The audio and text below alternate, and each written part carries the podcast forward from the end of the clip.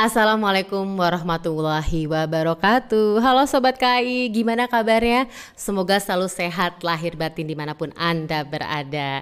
Nah, kalau mau keluar rumah ikuti protokol yang ada. Jangan lupa pakai masker. Dipakai ya, bukan hanya dibawa. Bawa juga hand sanitizer. Dan yang paling penting jaga jarak. Physical distancing. Dan sering-sering cuci tangan. Nah, buat yang bertanya-tanya, ini program apa? Ini adalah Trendsetter, we talk for the solution. Program baru yang tayang perdana di channel YouTube Kereta Api Kita. Tak kenal maka tak sayang. Perkenalkan nama saya Gina Rahmalia Ginanjar yang akan menjadi host di acara Trendsetter We Talk for the Solution. Nah, kali ini kebetulan kita syutingnya di Loco Cafe, Stasiun Bandung. Nah, nanti kalau sudah dibuka ke sini semuanya ya. Nah, sekarang yang masih stay at home gak apa-apa, jangan khawatir. Bisa langsung di-download ya di Locomart. Cari aja ya, itu yang di yang Android. Nah, kalau nggak di Android di mana? Di www.locomart.id. Selain pesan makanan, bisa juga catering dan yang pasti kita punya juga belanja-belanja di Trendmart saja dan layanan bersih-bersih rumah di Rest Clean dan layanan laundry lewat Rest Laundry. Ayo cepat di-download ya. Untuk episode perdana Trendsetter kali ini, saya akan ngobrol dengan seorang narasumber spesial. Bersama beliau, kita akan cari tahu gimana strategi PT Kereta Api Indonesia ketika pandemi COVID-19 ini. Dan yang paling penting adalah bagaimana persiapan PT Kereta Api Indonesia menuju era new normal. Via video conference saat ini sudah hadir bersama kita semua orang nomor satu di PT Kereta Api Indonesia Persero, komandan yang memimpin persiapan PT Kereta Api Indonesia menuju new normal. Bapak Direktur Utama PT Kereta Api Indonesia Persero, Bapak Didik Hartantio. Assalamualaikum warahmatullahi wabarakatuh, Bapak. Waalaikumsalam warahmatullahi wabarakatuh. Damang Tagina. Alhamdulillah Bapak Damang. Senang sekali loh Pak karena Bapak bisa bergabung hari ini dengan kami di Trendsetter. Bagaimana kita harus proaktif, inovatif dan kolaborasi gitu ya Pak ya. Gimana Pak sekarang sedang apa nih ada apa gimana? Bagaimana kabarnya dengan sibuk tadi kemarin juga ada di media Indonesia saya lihat ya Pak luar biasa. Gimana Pak kabarnya? Alhamdulillah semuanya berjalan baik ya Mbak Tegina. Memang kereta api hari-hari ini sedang mempersiapkan perjalanan kereta-kereta reguler ya baik kereta api jarak jauh maupun kereta lokal ya. Jadi beberapa hari ini memang kita fokus mempersiapkan uh, the new normal atau boleh dibilang juga new lifestyle ya di dalam bertransformasi di era pandemi COVID-19 ini. Ya seperti kata Pak Presiden kan, bahwa kita tuh harus uh, bersahabat ya. Jadi kita harus hidup berdampingan dengan COVID ini karena sampai sekarang vaksin untuk uh, virus COVID ini belum ditemukan. Sehingga untuk itulah kita harus mempunyai lifestyle yang baru, kita harus lebih menjaga pola yang hidup yang sehat, istirahat yang cukup, dalam rangka meningkatkan imunitas ya. Selain itu dengan kebersihan yang lebih baik ya. Memang eh, pandemi ini ada hikmah-hikmah positif juga. Kualitas udara ini di seluruh dunia ini menjadi lebih fresh ya. Dan kecenderungan di negara-negara Eropa itu orang yang bersepeda ini makin banyak. Nah, ini harapan kami saya sudah sampaikan Pak Gubernur DKI juga, Pak jalan-jalan di DKI ini belum uh, bike friendly ya. Karena kalau kita bersepeda di jalan-jalan di Jakarta ini belum merasa aman. Nah, beda kalau kita melihat infrastruktur uh, di negara-negara ya, utamanya di negara Eropa ya. Mau di Belanda, mau di Norwegia, di Swedia, di Jerman itu rata-rata sudah meningkatkan uh, infrastruktur sepeda itu. Harapannya nanti ke depan seperti itu. Sepeda ya Pak. Jadi gimana nih? Bapak juga soalnya hobinya bersepeda nih. Gimana nih Pak? Sepeda. Dengan tadi kita oh, iya. bagaimana the new lifestyle, bagaimana kita berdampingan bersama pola hidup sehat. Masih hobi Betul. bersepeda Pak?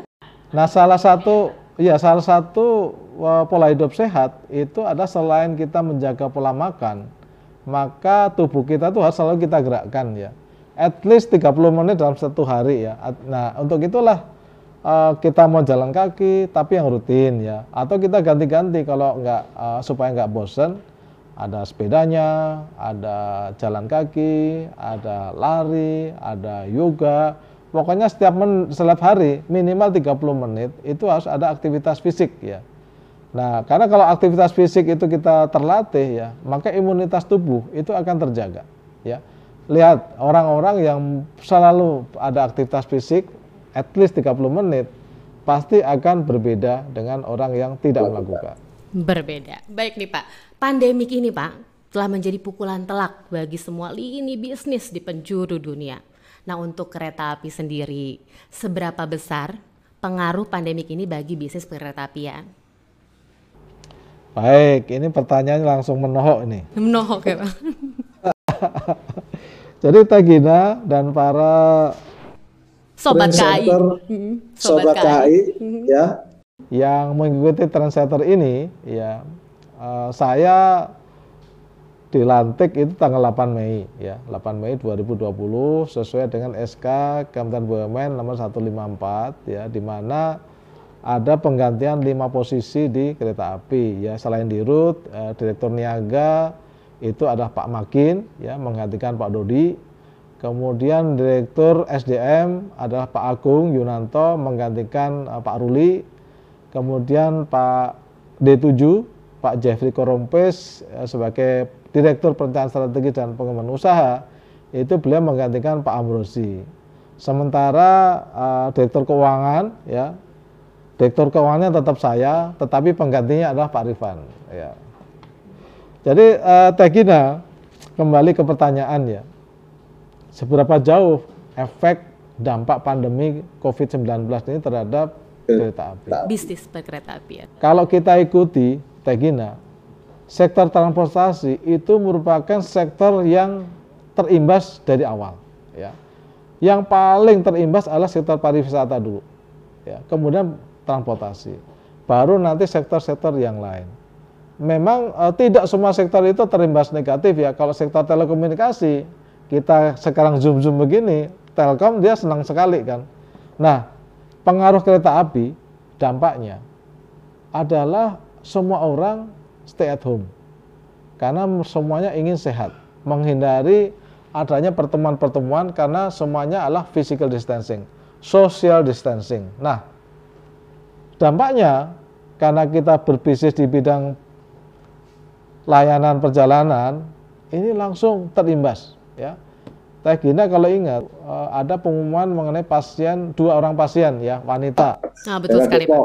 Kemudian pertengahan Maret itu ada pengumuman surat edaran dari Kementerian eh, PAN ya Pandaya Gunaan Aparatur Negara itu eh, himbauan untuk bekerja dari rumah seluruh ASN ya work from home. Nah begitu dihimbau itu tanggal 16 tanggal 18 Maret itu langsung berpengaruh pada perjalanan kereta api. Grafiknya tuh langsung 18, 19, 20 sampai ke tanggal 30 Maret itu turunnya tuh drastis. Ya. Jadi Tegina pendapatan kita itu yang apa namanya eh, rata-rata e, itu harian dulu normal itu sekitar 22 miliar satu hari ya. Di hari-hari sekarang ini luar biasa penekanannya. Jadi sekarang itu satu hari Teh Gina hanya sekitar 400 juta nih dari angkutan penumpang ya, angkutan penumpang. Bahkan kalau weekend-weekend itu kita bisa dapat 26 sampai 28 miliar dalam satu hari. Jadi begitu dampaknya ya, begitu dampaknya. Nah, angkutan barang terpengaruh namun tidak terlalu dalam ya karena angkutan angkutan barang itu ya ada penurunan sekira-kira 20 sampai 30 persen ya. Nah dampak secara keseluruhan ya pendapatan kita yang kita rencanakan tahun ini itu kira-kira akan terpangkas kira-kira 50 persen. Karena kalau komposisi angkutan penumpang itu kan e, sekitar 45 persen dari total pendapatan Kemudian untuk angkutan barang itu sekitar 35 sampai 40 persen ya. Dengan terpangkasnya angkutan penumpang ini yang sekarang tinggal 7 persen, maka pengaruhnya adalah pendapatan kita kira-kira akan turun 50 persen. Nah, apa yang sudah kita lakukan? ada beberapa strategi ya. Jadi uh, begitu kita diinstal 8 Mei sudah mengalami seperti ini, kita melakukan uh, evaluasi dengan cara stress test ya. Kita buat tiga skenario sesuai dengan uh, apa namanya pembicaraan dengan Kementerian BUMN. Skenario yang optimis itu adalah apabila COVID-19 ini bisa diselesaikan sampai dengan akhir Juni. Kemudian yang moderat itu apabila sampai dengan Agustus, yang pesimis itu apabila sampai dengan akhir tahun atau sampai dengan akhir Desember 2020. Sekarang tanggal 12 Juni ya kita sudah memulai perjalanan namun perjalanan kita ini belum normal. Karena orang ingin bertransportasi dengan kereta api itu harus memenuhi syarat-syarat dokumen-dokumen yang disyaratkan sesuai SE 07 ya dari Satgas Covid dan SE 14 yang diterbitkan oleh Dirjen Kereta Api. Syaratnya apa? Satu, para penumpang itu harus memenuhi satu adalah e, eh, PCR atau e, tes swab test ya atau rapid test ya. Kalau PCR itu masa berlakunya tujuh hari, kalau untuk rapid test itu masa berlaku tiga hari. Nah kemudian kalau orang itu bertransportasi keluar atau masuk Jakarta itu harus ada SIKM surat izin keluar masuk ya. Nah satu hal lagi eh, okupansi daripada kereta kita ini ini belum boleh 100% Tegina. Jadi kalau KLB kemarin itu uh, berdasarkan apa namanya arahan Dirjen Kereta Api itu hanya isi 50%. Sekarang dalam masa PSBB transisi, maka eh, transisi itu sesuai dengan SE 14 yang sebelumnya diatur di PM eh, 41 ya Menteri Perhubungan, okupansi dibatasi 70%. Ya. Jadi uh, memang uh, kelihatan waktu KLB animo animo masyarakat juga belum begitu tinggi karena banyak orang yang ingin naik kereta api karena tidak bisa memenuhi syarat-syarat itu, maka kita tolak. Itu ada sekitar 1.700-an orang. Ya. Nah, kemudian sekarang ini untuk uh, reguler ini, uh, Tegina, ini dari kapasitas yang besar ya, kita tuh sampai dengan saat ini baru menjual sekitar 5.000 tiket ya. 5.600 kalau nggak salah tadi saya cek ya. Artinya apa? syarat-syarat ini masih memberatkan ya karena kalau Tegina pikir misalnya nih orang dari Jakarta ke Purwokerto ya naik kereta api Serayu keretanya PSO tiketnya 50.000 tapi kalau PCR test atau rapid test itu nilainya jauh di atas 50.000 nah ini yang yang belum belum apa namanya eh, memang belum kelihatan belum friendly ya tetapi itu karena pemerintah masih ingin menjaga protokol COVID ini masih tetap berjalan. Itu mungkin Tagina yang uh, menjawab pertanyaan pertama ya. Betul sekali. Jadi pengaruh pandemi tadi karena ada stay at home mulai 18, 19, 20 Maret itu turun drastis dari biasa pendapatan 22 miliar per hari bisa jadi satu harinya 400 juta. Dan jadi karena pendapatan turun kita membuat strategi tiga skenario BUMN. Bagaimana 19 akhir Juni Agustus kemarin dan 12 Juni mulai berjalan sekarang belum normal karena memang ada syarat-syarat yang mungkin dirasa tadi memberatkan. Tapi ya tadi ini adalah untuk menjaga protokol Covid dibuat oleh pemerintah demi kemaslahatan umat. Nah ini Pak sekarang menjelang era new normal, ya sekarang sudah era new normal di mana-mana gitu semua era new normal. Persiapan apa saja yang sedang dipersiapkan PT Kereta Api Indonesia agar tetap dapat beroperasi sekaligus dapat menekan penyebaran COVID-19. Baik, jadi Mbak Tegina ya, eh, direksi minggu yang lalu selama tiga hari melakukan cek lintas ya hampir di seluruh daop di Pulau Jawa ya. Jadi kami dari Jakarta kemudian ke arah Cirebon, dari Cirebon ke Purwokerto. Eh, jadi Cirebon itu daop 3 ke daop 5 di Cirebon, eh di Purwokerto, kemudian ke daop 6 di Jogja, daop 7 di Madiun, daop 8 Surabaya, kembalinya lewat jalur utara ke daop 4 Semarang, kembali lagi ke Jakarta. Tujuan kami waktu itu yang pertama adalah kita ingin mengecek kesiapan seluruh jajaran DAOP dalam mempersiapkan era new normal ya. Jadi kami melakukan simulasi-simulasi di setiap stasiun-stasiun utama di DAP yang bersangkutan. Jadi persiapan kereta api Tegina kita ingin melakukan operasional kereta api dengan tetap menjaga perjalanan kereta api dengan selamat, aman, nyaman, dan sehat sampai tujuan. Nah, untuk meyakinkan itu kita bisa jalankan, maka kita menjalankan seluruh eh, apa namanya protokol pencegahan penyebaran COVID di lingkungan stasiun, di lingkungan kereta, dan seluruh pegawai kita. Ya. Jadi kalau para penumpang, para pelanggan kita memasuki stasiun, area stasiun, maka yang bersangkutan harus memakai masker. Ya. Kemudian harus diukur suhu tubuhnya, suhu badannya dengan cara e, termogan ataupun termoscan ya dengan batasan e, maksimal adalah 37,3 ya. Apabila di atas itu ya kami dengan e, sopan kita akan menolak tolong e, jaga kesehatan dulu ya. Kemudian di lingkungan stasiun e, pola hidup bersih kita wujudkan dengan penyediaan wastafel wastafel wastafel di tempat-tempat yang strategis disertai dengan sabun ya sehingga kebiasaan cuci tangan itu setiap saat harus kita laksanakan. Di samping itu kita juga menyediakan hand sanitizer di beberapa tempat yang strategis ya, misalnya di sebelah loket, di sebelah uh, boarding ya.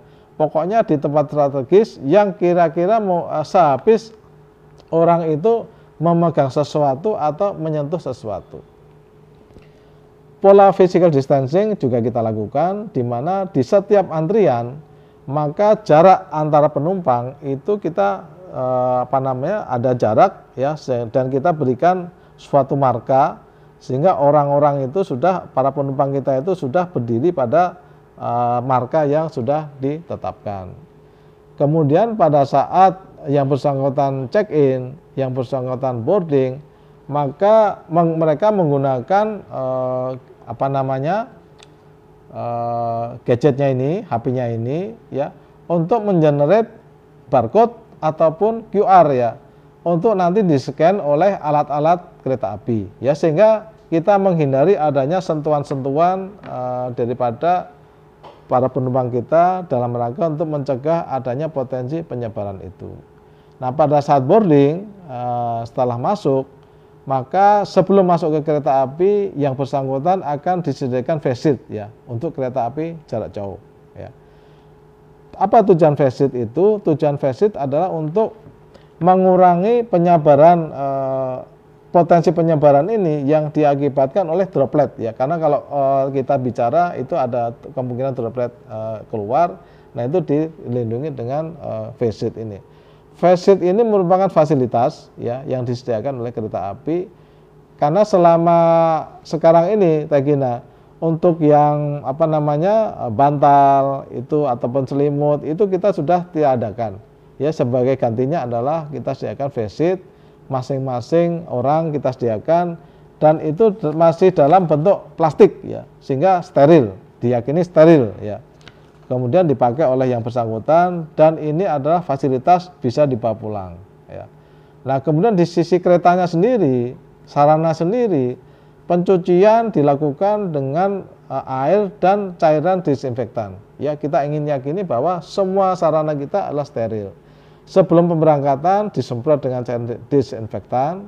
Kemudian setiap 30 menit sekali, maka petugas cleaning service kita akan membersihkan benda-benda yang sering disentuh oleh para pelanggan kita. Handle pintu, toilet, kemudian dudukan tangan, ya semuanya dilap dengan cairan disinfektan untuk meyakini bahwa area steril dan bersih.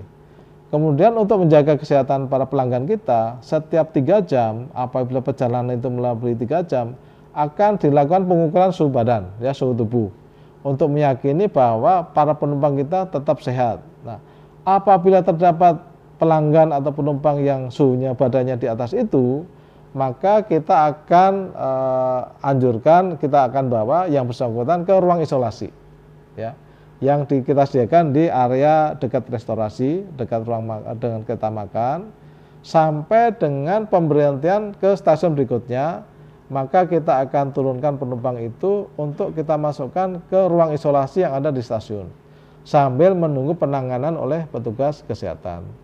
Jadi protokol-protokol ini kita lakukan dengan baik. Proteksi terhadap perlindungan terhadap para pegawai kita itu juga kita upayakan maksimal. APD untuk para pegawai frontline kita itu kita sediakan dengan baik kita cukupi sehingga semua para pegawai frontline kita itu harus menggunakan APD yang lengkap termasuk sarung tangan itu itu Tegina ya persiapan-persiapan kita menuju operasional kereta api di era new normal ini. Persiapan yang lengkap dari mulai kereta, pegawai hingga penumpang. Nah ini Pak sekarang, apa yang menjadi fokus utama Bapak terhadap kinerja PT Kereta Api Indonesia di masa new normal? Baik, jadi memang di dalam masa pandemi seperti ini eh, kita yang penting kereta api tetap berjalan, tetap bisa menjaga kewajiban-kewajibannya ya. Jadi rekan-rekan semua seluruh insan kereta api ya ada beberapa strategi utama di dalam masa krisis ini ya. Yang pertama strategi kita adalah kita memprotek people ya kita memprotek our people, seluruh SDM kereta api. Karena pada saat krisis seperti ini, kesehatan adalah yang nomor satu. Jadi kita lindungi seluruh pegawai kita dengan menerapkan aturan-aturan atau protokol COVID-19 dengan baik. Work from home kita laksanakan, kemudian penyediaan APD kita berikan, semuanya dalam rangka memprotek, melindungi seluruh pegawai kita dari e, kemungkinan penyebaran COVID dan alhamdulillah Teh Gina untuk penyebaran COVID karena operasional kereta api di frontline ini sampai sekarang tidak ada.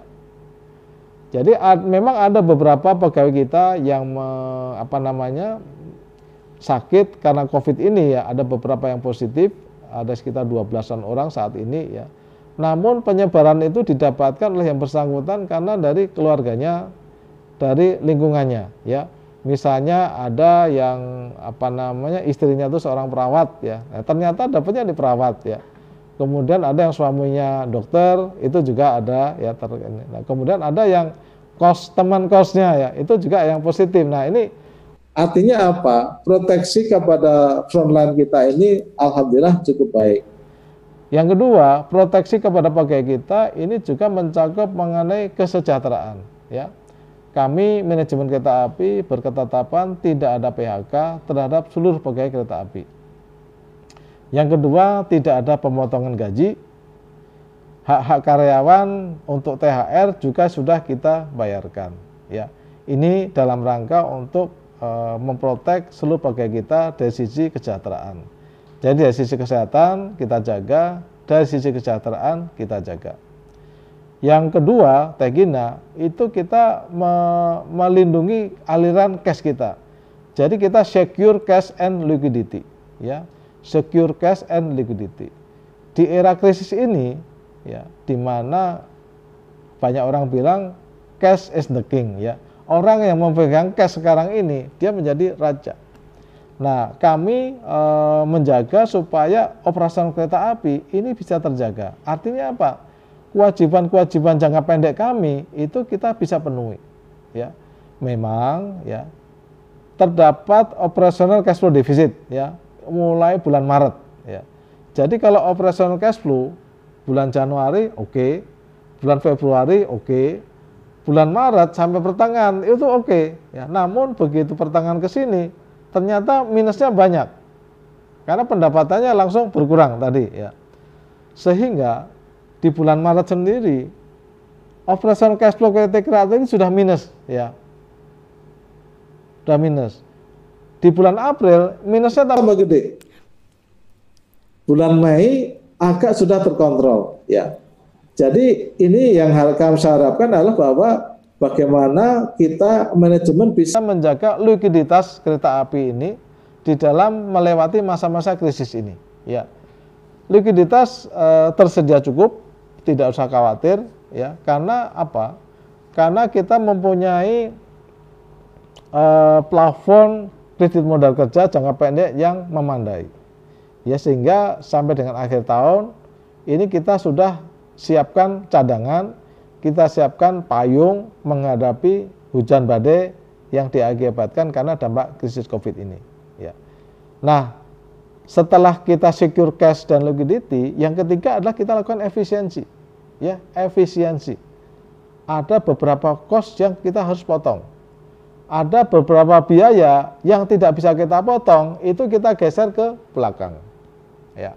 Jadi memang ini uh, periode tiga bulan ya, Maret, April, Mei, tekanannya cukup dalam ya, tetapi kita bisa tangani dengan baik ya kita bisa tangani dengan baik. Jadi tidak ada kekhawatiran mengenai likuiditas daripada kereta api. Kita tetap sehat. Ya. Kemudian yang ketiga, setelah tadi eh, apa namanya efisiensi, kemudian cost reduction, maka kita juga melihat eh, sisi capex ya, capital expenditure kita. Ya. Kita melakukan rencana-rencana investasi ke depan. Ya. Nah itu kita juga harus melihat mana-mana yang urgen, mana-mana yang kita bisa kurangi. Ya, ada pengurangan capital expenditure itu sekira-kira sekitar 25 persen. Ya, karena apa? Karena ada beberapa eh, proyek capex yang kita tidak bisa tunda, tunda karena kita merupakan proyek strategis nasional. Satu lagi yang kita bisa tidak bisa tunda karena menyangkut angkutan barang yang ada di Sumatera bagian selatan. Ya, Jadilah yang apa namanya strategi-strategi kami untuk uh, melakukan pengamanan ya sehingga keuangan kereta api dalam masa pandemi ini tetap kita bisa jaga dengan baik, tetap sehat sehingga kewajiban-kewajiban jangka pendek kepada semua stakeholder, kepada pegawai, kepada para vendor ini bisa terjaga. Namun kita juga minta kepada para vendor ya bagaimana supaya kita bisa menegosiasi ya Pak Jokowi sudah menyatakan bahwa kondisi kita kondisi darurat nasional karena pandemi. Itulah yang kami gunakan untuk merenegosiasi dengan para vendor untuk merestruktur pembayaran. Nanti kalau situasi sudah normal, semua kewajiban pasti akan kami penuhi. Itu ya. Kita. Baik, ini tadi ya pokoknya strategi utama memprotek our people. Kesehatan, kesejahteraan, aman. Itu sudah dipersiapkan juga bagaimana operasional PT Kereta Api Indonesia itu tetap terjaga. Pokoknya likuiditas KAI tersedia ya dan adanya efisiensi. Intinya adalah hayu stakeholder kita kewajiban adalah tetap semuanya terjaga dengan baik. Oke, nah baik Bapak. Untuk Sobat KAI dan Pak Didi kita akan break sejenak. So stay tune, don't go anywhere di mana pun Anda berada. Trendsetter, we talk for the solution. Don't go anywhere, stay here.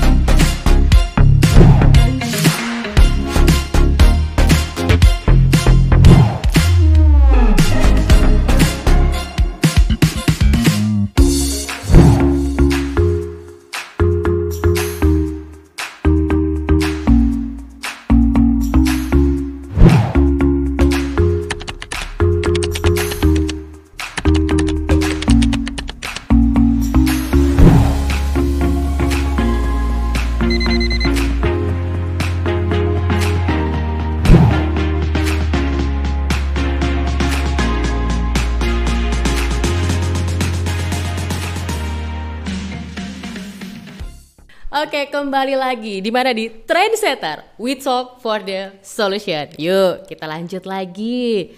Ini ke Pak Didik lagi. Ini sekarang, Pak. Gimana, Pak, rencana kerja PT Kereta Api yang seharusnya sudah dimulai, bahkan sudah harus diselesaikan pada tahun 2020 ini. Tapi karena terdampak pandemi Covid-19 akhirnya ada yang tertunda gitu. Nah, itu gimana tuh, Pak? Baik, Teh Gina ya. Kita itu sekarang ya 2019 kita menyiapkan adanya corporate plan 2020-2024 ya. Kalau kita istilah kita kan ada RJBP, rencana jangka panjang perusahaan ya. Nah, kita susun ya rencana-rencana itu dengan merubah menyesuaikan visi kita dengan realisasi atau realitas bisnis yang kita hadapi. Ya. Jadi visi kita Tegina adalah kereta api menjadi solusi ekosistem transportasi terbaik di Indonesia. Ya. Kereta api sebagai solusi ekosistem transportasi terbaik di Indonesia solusi ekosistem transportasi. Ya. Kereta api adalah moda transportasi yang berbasis rel. Nah, untuk membangun suatu ekosistem transportasi, maka kita itu harus berkolaborasi dengan moda-moda transportasi yang lain. Kereta api tidak bisa menjadi lone rider sendirian melayani masyarakat tidak bisa. Dulu orang itu datang pada kita memerlukan angkutan kereta api. Tetapi kita sekarang masyarakat itu apalagi dengan perkembangan apa namanya generasi ya milenial mereka tidak berpikir seperti itu ya. Mereka inginnya itu adalah end to end. Semua layanan itu digabung jadi satu. Nah padahal kita tuh resources kita nggak seperti itu. Nah kecenderungan sekarang itu adalah kolaborasi. Kolaborasi. That's the keyword ya. Jadi semua startup company ya bayangkan. Dia mereka tidak memiliki resources, tetapi dengan kolaborasi mereka bisa memanfaatkan resources itu bagi para pelanggannya. Value di generate dari kolaborasi itu. Nah, kereta api ke depan kita harus berpikir kolaborasi. Namun kolaborasi itu harus dibangun dengan jiwa proaktif, ya. Artinya proaktif itu apa? proaktif itu sebelum eranya datang, kita sudah berpikir ke depan. Kita sudah memikirkan bagaimana cara kita berkolaborasi. Ya. Jadi kereta api ini akan menjadi leader di dalam menciptakan suatu ekosistem ini. Menjadi driver ya. Kita bukan sebagai penumpang, tapi kita sebagai driver. Kita sebagai pengemudi uh, ekosistem ini. Jadi di setiap wilayah, di setiap area integrasi harus kita bangun di mana kereta api yang menjadi drivernya. Ini ya. Ini yang menjadi visi kita. Nah, apakah ini masih relevan? Ya. Tetap relevan. Memang nanti ada adjustment, masalah timing, masalah waktu, ya. Karena kalau kita ngotot sekarang, lowong penumpangnya itu seperti ini, ada batasan-batasan seperti ini, this is the new normal, this is the new lifestyle, ya Inilah yang harus kita adjust ya. Namun dalam jangka panjang secara secara finansialnya ya pendapatan tahun 2019 itu kan kira-kira 22,5 triliun. Nah, dalam corporate corporate plan kita di 2024 ini akan kita tingkatkan double menjadi 44 triliun ya. Nah, itu hanya bisa dilakukan apabila seluruh insan kereta api itu bersikap proaktif ya saya yakinkan seluruh insan kereta api harus bersikap proaktif, kolaboratif. Nah, dua sifat ini ini akan menimbulkan inovasi-inovasi baru, akan menimbulkan kreativitas-kreativitas baru. Jadi inovasi dan kreativitas itu adalah satu kata yang bisa uh, inovasi itu kan menemukan sesuatu yang belum ada. Tapi kreativitas itu adalah memperkaya apa yang sudah ada mere-engineer apa yang sudah ada. Jadi inovasi dan kreativitas itu adalah suatu kesinambungan yang kita nggak bisa pisahkan. Jadi intinya adalah proaktif dan kolaboratif akan melahirkan inovasi-inovasi dan kreativitas-kreativitas. Ingat kata-kata Pak Presiden pada saat peringatan Hari Lahir Pancasila 1 Juni 2020 ya. Bangsa Indonesia ingin menjadi bangsa pemenang dengan cara inovasi dan kreatif. Dua kata itu, ya. Jadi kalau kereta api dengan cara kita berpikir bertindak proaktif dengan cara kolaboratif, maka ini akan melahirkan insan-insan kereta api yang inovatif dan kreatif. Jadi Tegina rencana perusahaan tetap kita jalankan ada adjustment sedikit masalah timing ya. Namun demikian ya pemegang saham kita itu tetap memberikan kita semangat. Artinya apa? Pak Menteri BUMN itu pada saat kita bertemu dengan beliau, kamu jangan lakukan kendor, jangan ada kendor ya. Jadi tetap memberikan semangat untuk membangun bisnis. Dalam situasi seperti ini, capex itu boleh dipotong, tetapi jangan sampai mengganggu SJPP kita. Jadi inilah motivasi yang diberikan oleh pemegang saham, motivasi yang diberikan oleh orang tua kita, ya. Bahkan mereka tetap mendorong kita untuk tetap tumbuh dalam masa-masa seperti ini, ya. Dengan keyakinan ini, artinya adalah bahwa dengan dorongan saham dan dengan dorongan seluruh insan kereta api yang berpikir proaktif dan kolaboratif, saya sebagai nakoda kereta api sangat yakin bahwa kita akan mencapai tujuan kita di tahun 2024. Itu ya, bagaimana kita solusi ekosistem terbaik di Indonesia. RJPP Corporate Plan 2024 Adjustment Timing menyesuaikan visi dan realitas. Gimana yuk? Insan PT Kereta Api harus gimana? Harus kolaboratif, proaktif dan kita akan menghadirkan inovasi-inovasi sehingga menjadi leader, menjadi driver seperti lokomotif ya itu ya. Kita menjadi driver transportasi di Indonesia. Nah, ini Pak, dengan tertundanya tadi gitu ya rencana-rencana PT Kereta Api yang seharusnya sudah dimulai. Menurut Bapak, aspek bisnis apa saja di PT Kereta Api Indonesia yang masih bisa ditingkatkan potensinya? Baik, Teh Gina, ya kalau kita memasukin ke lebih dalam lagi, ya pendapatan PT Kereta Api ini yang uh, core-nya itu adalah angkutan penumpang dan angkutan barang, ya angkutan penumpang dan angkutan barang. Namun demikian ada sektor yang nanti akan kita tingkatkan lebih progresif adalah angkutan uh, pendapatan non angkutan. Pendapatan non angkutan itu apa? Ada yang satu berdasar uh, apa namanya optimalisasi aset ya. Optimalisasi aset itu ada dua hal. Yang pertama adalah pengembangan TOD yang ketiga adalah komersialisasi uh, aset ya. TOD lebih bersifat jangka panjang kalau komersialisasi berdasarkan bisnis ya. Nah ke depan porsi daripada pendapatan dari yang berdasarkan aset yang sekarang ini hanya sekitar 7 sampai 8 persen, kita ingin tingkatkan sampai ke 10 persen, namun dalam kerangka yang enlarge ya. Jadi kalau sekarang ini pendapatan uh, aset itu sekitar 1 1,2 triliun, maka ke depan ini akan kita kembangkan sampai dengan 4 sampai ke 5 triliun. Ya. Jadi nanti memang uh, secara persentase tidak terlalu besar ya, tetapi secara nominal ini ada merupakan lompatan karena setiap tahun ini akan menjadi apa namanya terjadi peningkatan yang luar biasa ya.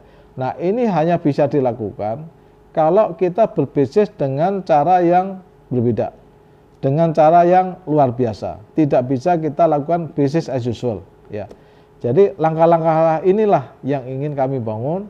Kita harus semangat ya memang untuk angkutan penumpang nanti average pertumbuhan selama lima tahun itu kira-kira sekitar 10 persen ya kumulatif annual growth rate-nya. Namun untuk angkutan barang akan kita dorong kumulatif annual growth rate-nya itu 20 persen setiap tahun. Sehingga dalam jangka panjang lima tahun 2020 ke 2024 ini akan double ya pendapatan kita akan double ini Tegina tidak bisa kalau kita lakukan dengan bisnis as usual. Kita harus melakukan bisnis yang berbeda dengan cara yang berbeda. Apa yang kita lakukan adalah kita melakukan transformasi digital. Ya, kita akan menggunakan uh, IT base. Semua bisnis yang akan kita kembangkan itu akan berbasis IT.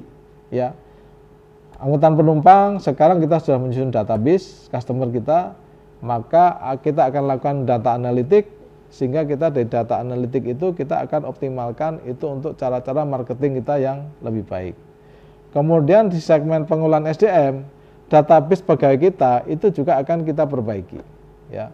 Kemudian juga eh, kita akan empower training center kita sehingga training center kita itu bukan hanya mengembangkan pengetahuan-pengetahuan yang teknikal, tapi soft skill itu akan terus kita kembangkan. Kita ingin mengcreate leaders-leaders kereta api. Pimpinan-pimpinan kereta api masa depan yang tough ya, yang punya strategic thinking, yang mempunyai visi ke depan. Itu kita bangun dengan cara pengembangan soft skill. Nah, apabila kita tidak punya kapasitas untuk training seperti itu, maka kita akan kerjasama dengan lembaga training yang lain, atau kita kirim orang-orang kita ke lembaga-lembaga training yang bagus, baik di dalam negeri maupun luar negeri, sehingga ke depan, lima tahun ke depan, 10 tahun ke depan, kalau kita ngomongin leadersnya kereta api, industri kereta api di Indonesia itu, maka orang-orang kereta api lah yang akan mewarnai industri kereta api yang ada di Indonesia ini. Itu arah ke depannya. Oke, Pak. Nah, sekarang apa Pak harapan Bapak terhadap perkereta apian Indonesia baik saat ini dan untuk masa mendatang? Baik, Teh Gina, ya memang uh, industri kereta api kita ini uh, belum sepenuhnya sesuai dengan bisnis model yang diamanatkan di dalam Undang-Undang Perkeretaapian Nomor 23 Tahun 2007 ya. Nah, namun demikian kita sebagai insan yang bergerak di bidang perkeretaapian, insan KAI, ke depan kita harus membangun ya bisnis model itu sesuai dengan international best practice ya. Pemahaman ini uh, Tegina memang belum difahami oleh seluruh insan perkereta apian ya. Baik yang ada di kereta api maupun yang ada di regulator kita ya. Maka kewajiban sekarang kita sekarang adalah bagaimana kita mulai membangun pemahaman ini untuk menuju ke arah sana ya kita di dalam menyusun RCPP kita menggunakan konsultan internasional yang reputable ya. Nah, ke depan bisnis model bisnis model yang ingin kita kembangkan ini adalah menuju international best practice ya. Dan itu didasari dengan governance, artinya adalah bahwa sesuai dengan aturan-aturan yang berlaku, sesuai dengan kelasiman-kelasiman yang berlaku, dan selain common practice adalah kita mencari international best practice.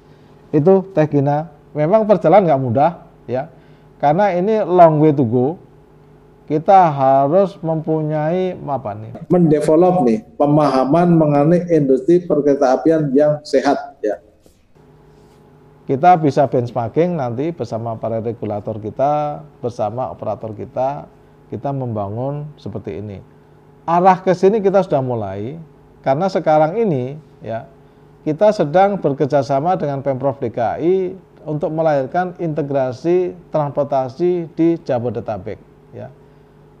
Di dalam eh, apa namanya pembentukan eh, wadah ini memang kita sedang eh, melakukan kajian ya yang dibantu oleh konsultan internasional yang mempunyai pengalaman implementasi integrasi transportasi di negara-negara yang sudah maju ya. Ini kita sedang bangun. Nah, ini menjadi suatu pionir, suatu uh, apa namanya? Uh, awal ya. Kalau kita nanti bisa membangun bisnis model integrasi ini dengan baik, maka ke depannya kita ingin membangun industri perketapian ini agar uh, nanti masing-masing uh, ada pembagian tugas regulator, integrator, dan operator itu. Itu Teh Gina. Oke, gitu ya. Baik, jadi tadi pendapatan PT Kereta Api, core-nya angkutan penumpang barang dan pendapatan non-angkutan. Sekarang ada optimalisasi aset ya di TOD untuk jangka panjang dan komersialisasi aset sebagai bisnis. Dan bisnisnya gimana? Bisnis dengan luar biasa, bisnis yang berbeda, bisnis yang extraordinary. Ya gimana kita akan melakukan lompatan-lompatan tiap tahun peningkatan. Intinya adalah transformasi digital berbasis IT. Dan tadi juga bagaimana kita akan bisnis model ya terintegrasi. Gimana tadi? Long way to go tapi kita pasti bisa untuk menciptakan develop industri perkereta apian yang sehat. Kolaborasi bersama-sama. Oke gitu ya Pak ya? Baik Pak Didik dan Sobat KI ya kita akan lanjutkan lagi perbincangan seru kita. Don't go anywhere. Tetap di mana? Di Trendsetter. We talk for the solution. Don't go anywhere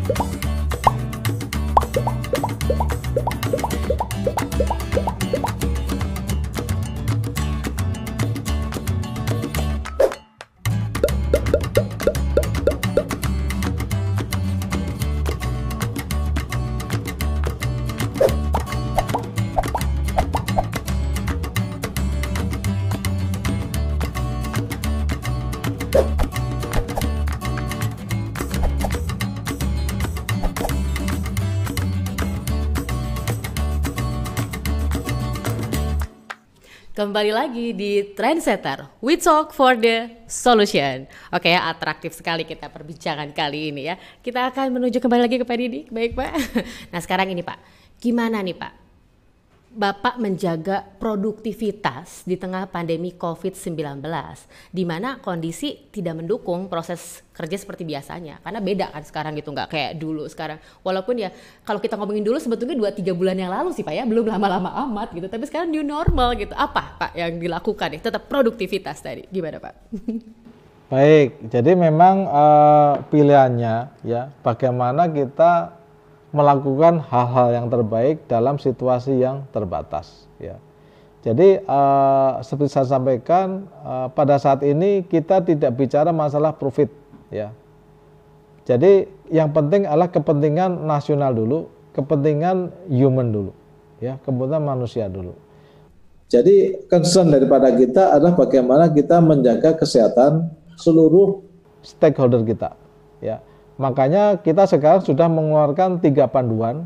Ya, yang pertama adalah panduan kepada para penumpang, yang kedua adalah panduan kepada para pegawai, dan yang ketiga adalah panduan kepada para stakeholders kita.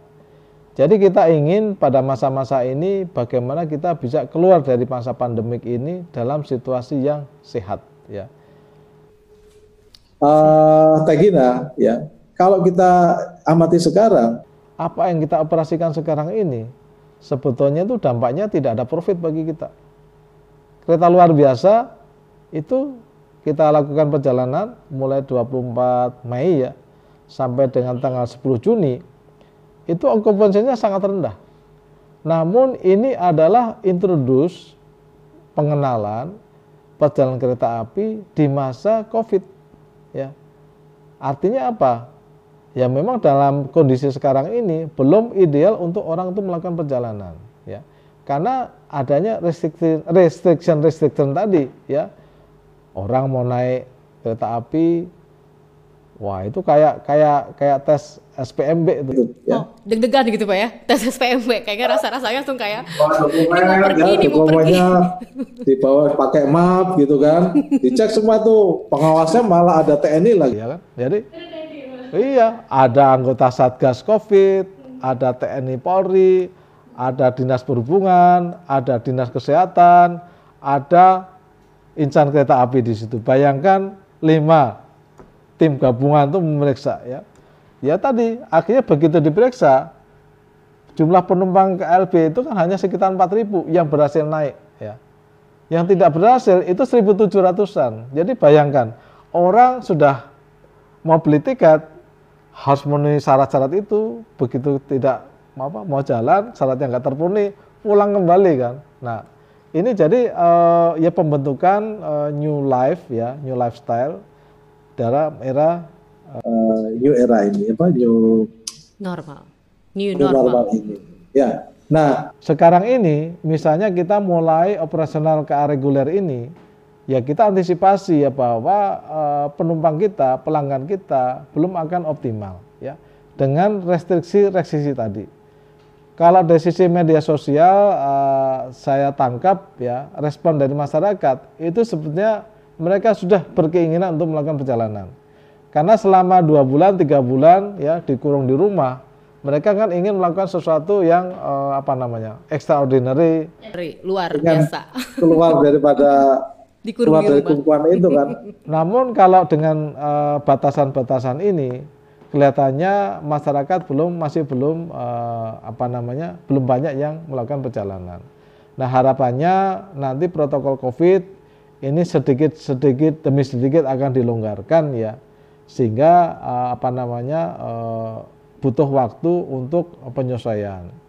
Nah dari sisi keuangan kita maka tadi skenario stress test tadi kan, kalau yang optimis sampai dengan Juni, yang moderate sampai dengan Agustus, yang pesimis sampai dengan Desember. Jadi semua skenario ini sudah kita siapkan. Artinya apa? No worst case-nya, kalau kondisi ini berlangsung sampai dengan Desember, itu pun sudah kita pikirkan. Ya. Jadi ibaratnya itu kalau yang buruk, paling buruk sudah kita pikirkan, insya Allah akan lebih baik daripada yang terburuk.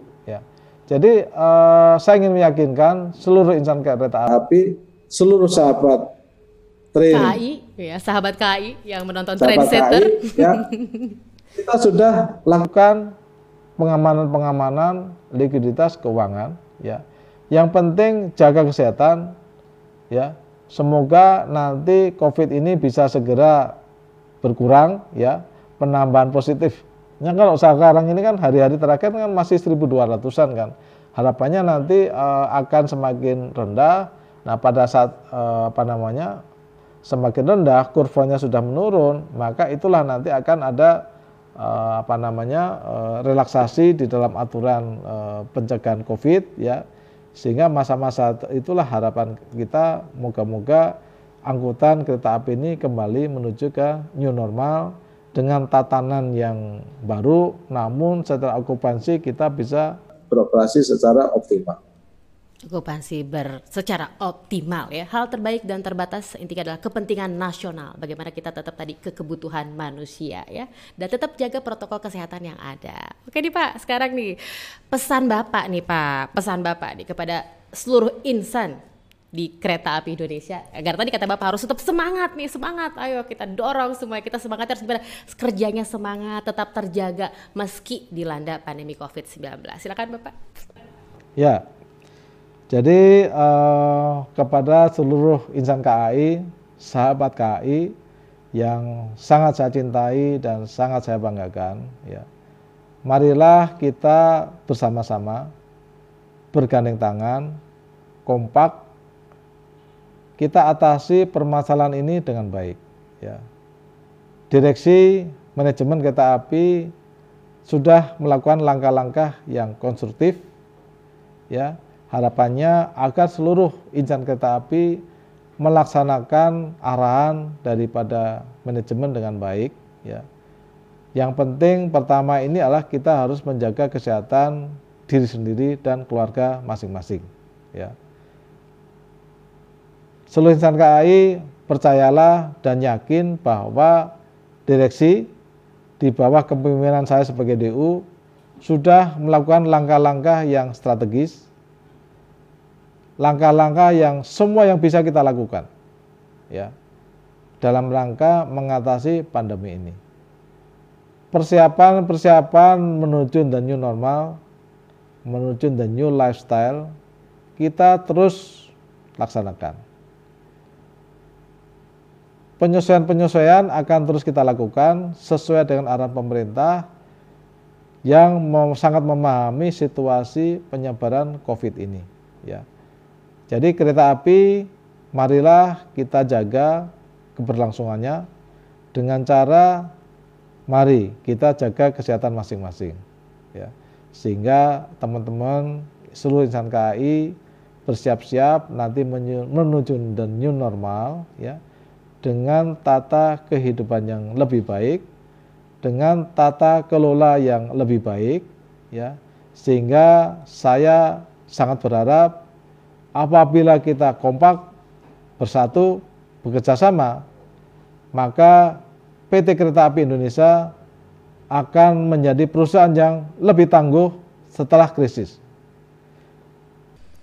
Oke, itu ya. Jadi ayo sobat ya. KI bersama-sama kita. satu lagi. Oh, ya. apa lagi Pak? Ya Pak, siapa? Kereta api adalah great company.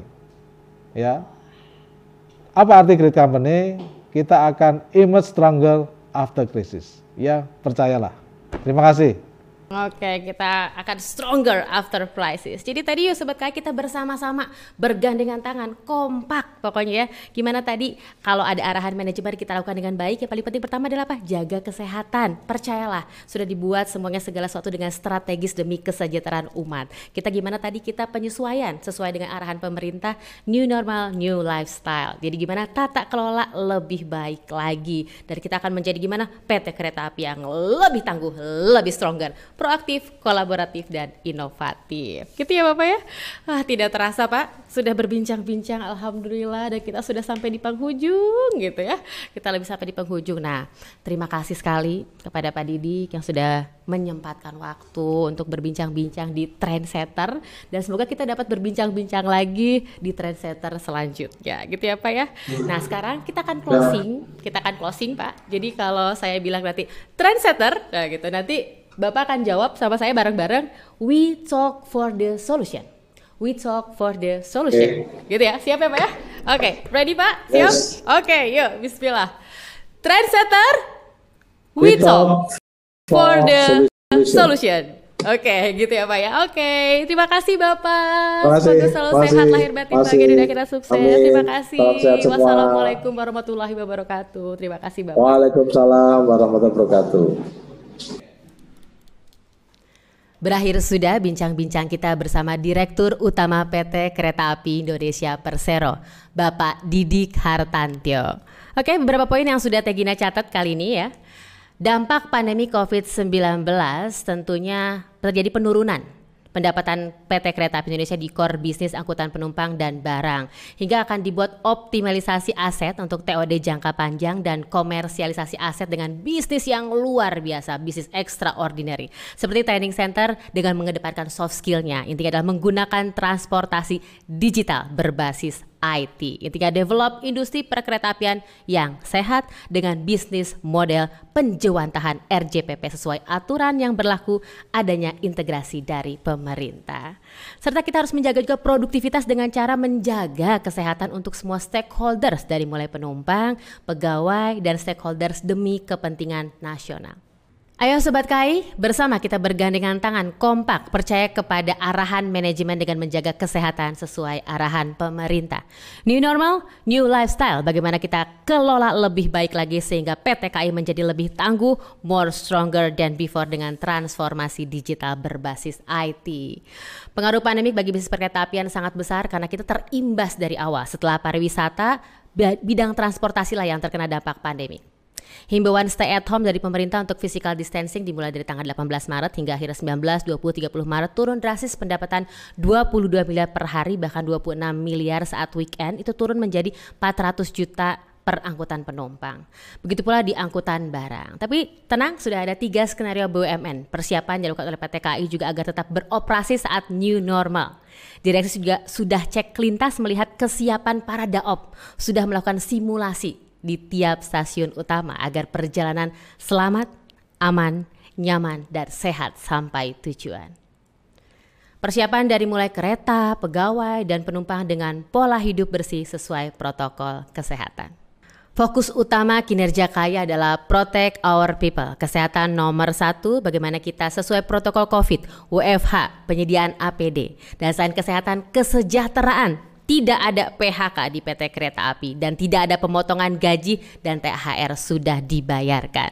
Setelah kesehatan dan kesejahteraan, paling penting juga adalah operasional kereta api terjaga. Likuiditas KAI tersedia dan adanya efisiensi investasi mengedepankan urgensi strategi nasional dengan kewajiban stakeholder terjaga. Rencana KAI yang tertunda akibat pandemi tetap berjalan dengan adjustment timing sesuai Corporate Plan 2024 yang sudah terjuantakan dengan RJPP menyesuaikan visi dan realitas bagaimana PT Kereta Api menjadi solusi ekosistem terbaik di Indonesia.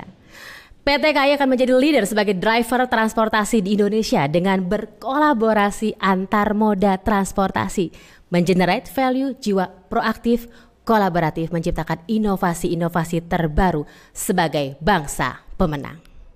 Sobat KAI berakhir sudah trendsetter perdana kali ini. Terima kasih kepada Loko Cafe yang sudah memfasilitasi yang tempat yang Instagramable banget ya. Nanti kalau udah dibuka ke sini foto-foto, oke jangan lupa mampir ke Loko Cafe. Nah, kalau kalian punya ide, request, pembahasan yang pengen dibahas silahkan ya tinggalkan di komentar di sini jangan sampai lupa ya kita bahas nanti.